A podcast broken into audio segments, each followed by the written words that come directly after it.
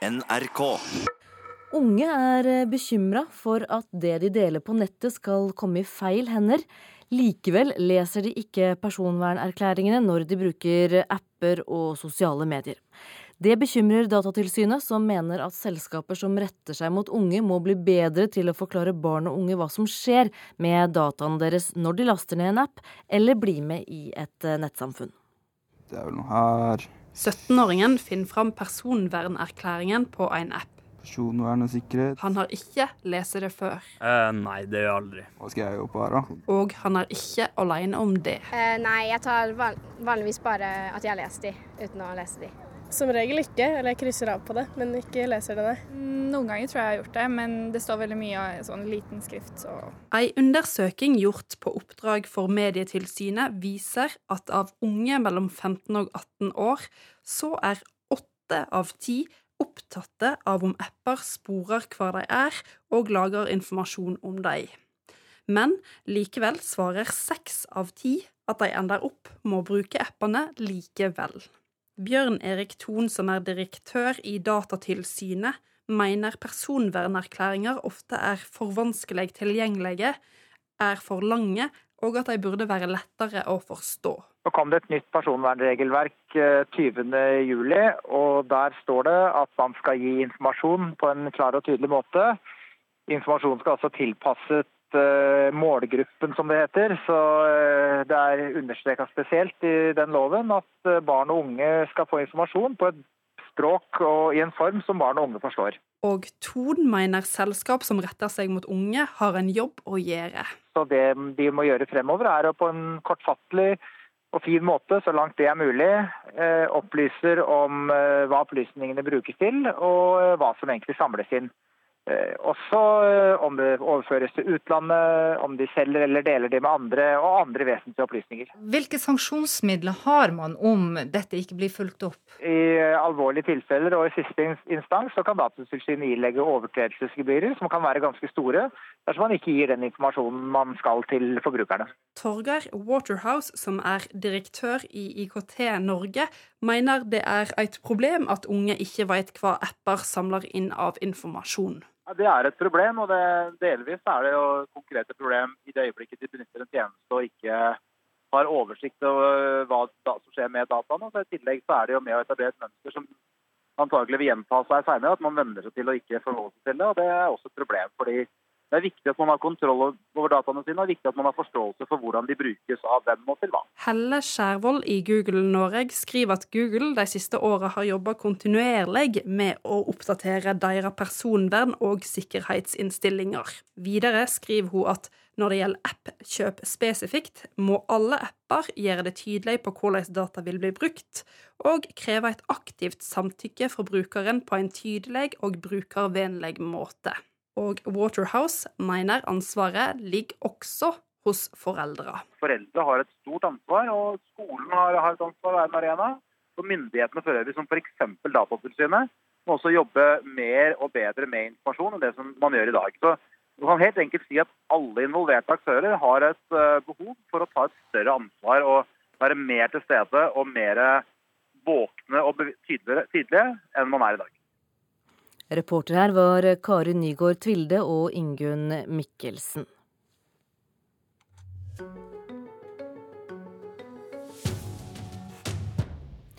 Hollywood har vært i Norge flere ganger de siste årene. Preikestolen i Mission Impossible og Jo Nesbøs Snømann har blitt filmet her i landet. Men så er spørsmålet da, hva skjer med et lite lokalsamfunn når Hollywood kommer til bygda? Det skal Riksteatret ta opp i stykket Stein i lomma i høst.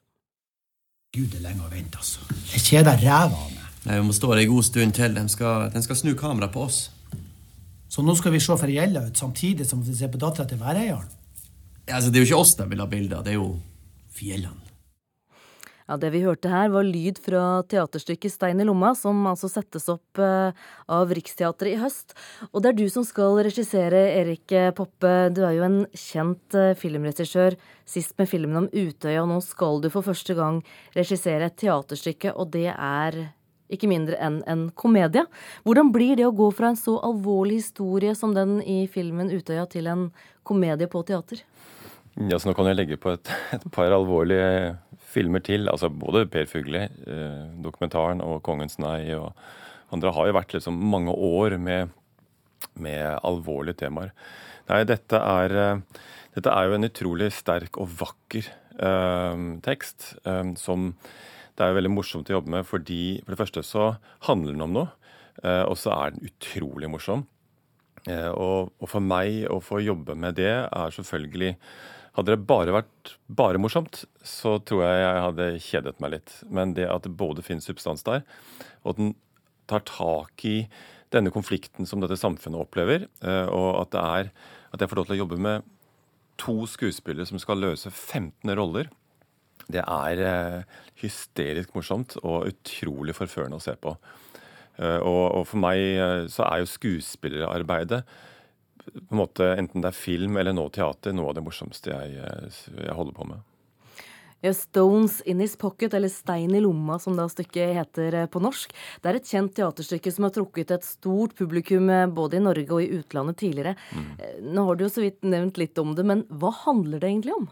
Det handler om på en måte tiden etter Du kan jo si 'Snømannen' eller 'Mission Impossible', eller for den saks skyld 'Kongens nei', som har vært i et samfunn. og liksom skapt drømmer hos folk. Ehm, men i dette tilfellet så er det da eh, kan si konflikten, krasjet, eh, som oppstår.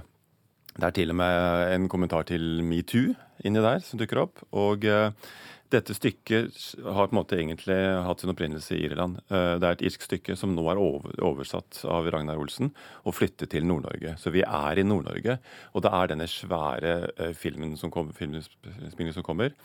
Og vi blir kjent med både filmens eh, divaer og skuespillere og regissør, og vi blir kjent med lokalbefolkningen. Og denne Charles og Jacob i midten, som spilles av Halvard Holmen og Øystein Martinsen, som, som skal inn og ut av alle disse rollene. Det er utrolig underholdende å se på. Hvor store endringer har dere gjort?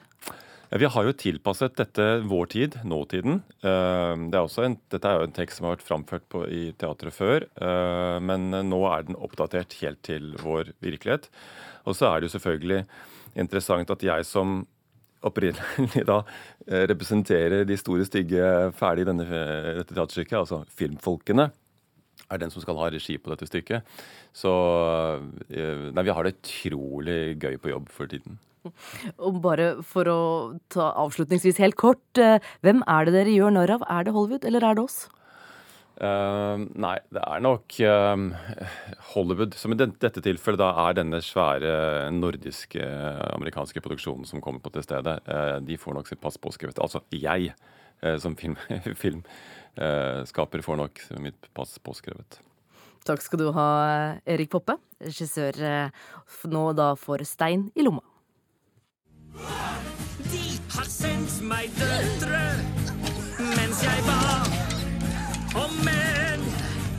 Dere er de verste jeg har møtt, men er jeg nødt, så lover jeg. Jeg skal gjøre et mannfolk av deg. Ja, Kanskje noen kjenner igjen denne animerte filmen fra Disney. Det er nemlig Mulan. Kulturreporter Kaja Andreassen, hva er det som skjer med den? Selv om det nok ikke blir på norsk, eh, som du hørte her, så skal Disneys animasjonssuksess Mulan bli spillefilm. Eh, og Disney skriver nå at innspillingen er i gang. Det foregår i New Zealand, og det første bildet av innspillingen er sluppet av skuespilleren eh, Liu Yufei, som skal spille Mulan. Og for de som kanskje ikke husker helt denne filmen fra 1998, hva er det den handler om? Eh, Mulan bygger på et kinesisk sang om en jente som drar ut i krigen i sitt fars sted. Hun må da gi seg ut for å være en mann for å kunne kjempe i denne krigen. Vi skal skifte tema for Google. De sporer deg enten du vil det eller ikke. Hvordan gjør de det, Kaja Andreassen? Eh, Google kan jo spore dine bevegelser og lagre din posisjonsdata, men eh, det kan de også gjøre når du har skrudd av posisjonsloggen på din enhet. Flere av Google-appene Google-appene lagrer nemlig automatisk din posisjonsdata uten å spørre om lov, selv når du har deaktivert innstillingene. Google selv mener at de gir klare nok beskrivelser av disse verktøyene. Men hvorfor er Google så opptatt av å vite hvor du og jeg er til enhver tid? Kritikerne de mener at det handler om eh, penger, eh, rett og slett. eller rettere sagt annonseinntekter. De trekker reklamerelatert informasjon ut av de detaljene de får. Men hvis jeg da vil forhindre at Google vet hvor jeg er, hva skal jeg gjøre da? Da kan du gå inn på Min aktivitet i nettleseren. Eh, så kan du deaktivere både nett- og app-aktivitet samt posisjonsloggen. Og det forhindrer at Google kan se hvor du befinner deg. Takk skal du ha, Kaja Andreassen.